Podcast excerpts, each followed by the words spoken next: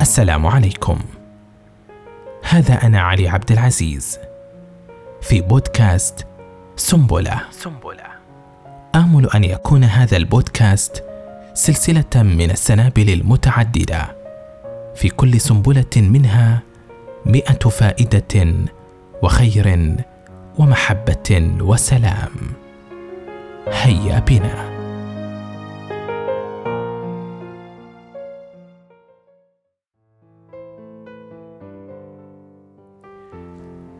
جلست الزوجة على مكتب زوجها وأمسكت بقلمه وكتبت. في السنة الماضية أجريت لزوجي عملية إزالة المرارة، ولازم الفراش عدة شهور، وبلغ الستين من عمره، فترك وظيفته المهمة في دار النشر التي ظل يعمل بها ثلاثين عاما.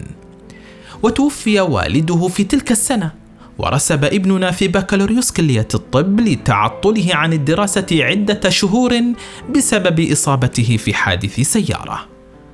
وفي نهاية الصفحة كتبت: يا لها من سنة سيئة للغاية.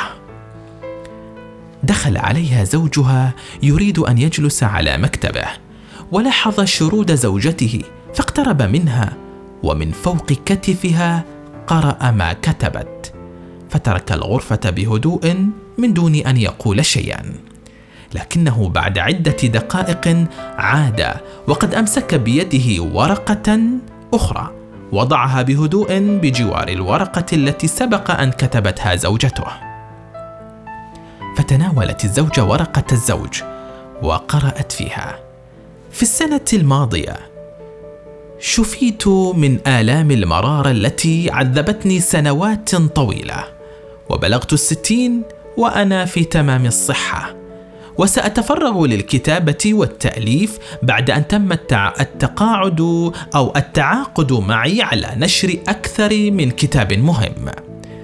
وعاش والدي حتى بلغ الخامسة والتسعين من غير أن يسبب لأحد أي متاعب وتوفي في هدوء من غير أن يتألم.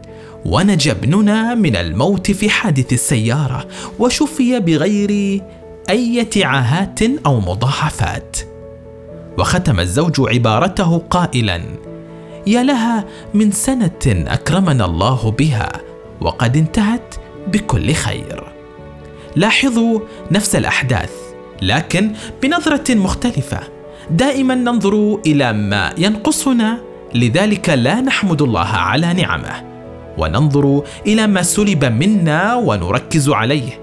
لذلك نقصر في حمده على ما أعطانا. قال تعالى وإن ربك لذو فضل على الناس ولكن أكثرهم لا يشكرون. اللهم اجعلنا من الشاكرين الذاكرين وعند البلاء من الصابرين. اشكروا الله لتدوم النعم.